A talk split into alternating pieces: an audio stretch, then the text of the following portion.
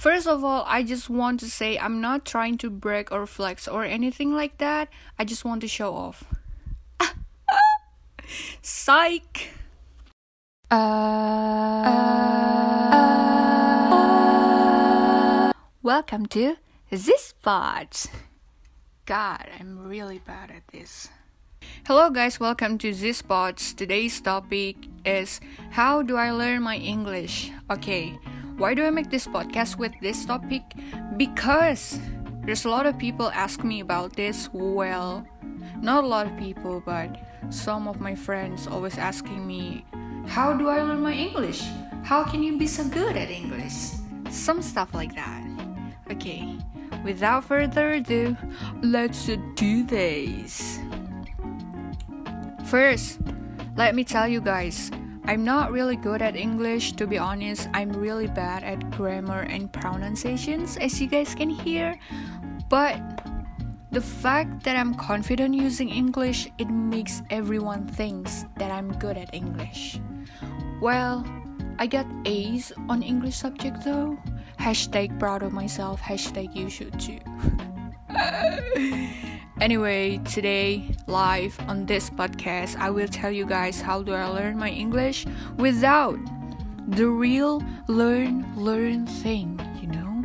It's like I'm not trying to learn, but some way somehow I'm good at it. Take it easy, you can do it too. First of all, Justin Bieber.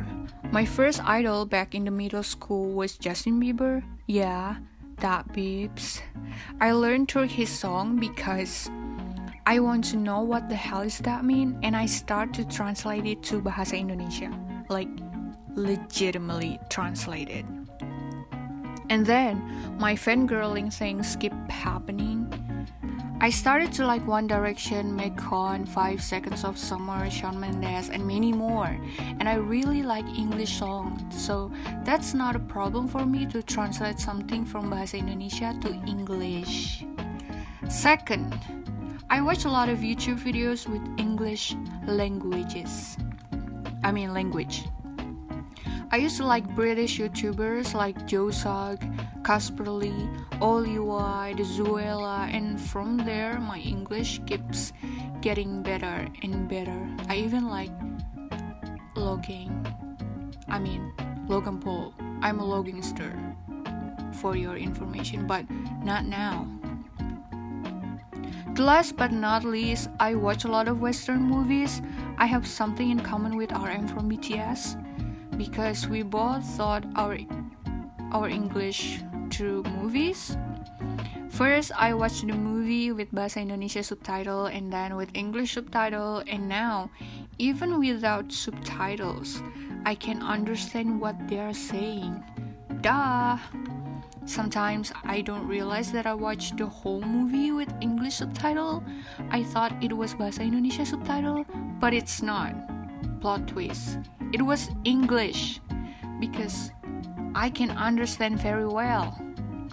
and guys, don't be lazy to translate the words that you don't know what does that mean because it's easy. Just open the Google Translate, type it, and voila, you got what you want. And that's it, guys. It's easy peasy lemon squeezy. I answer all of your questions, right? Don't be shy to follow my podcast, okay? And that's it. Again, I hope this is useful for all of you guys who wants to learn English without trying hard and stay safe. Bye. 哈哈哈哈哈哈。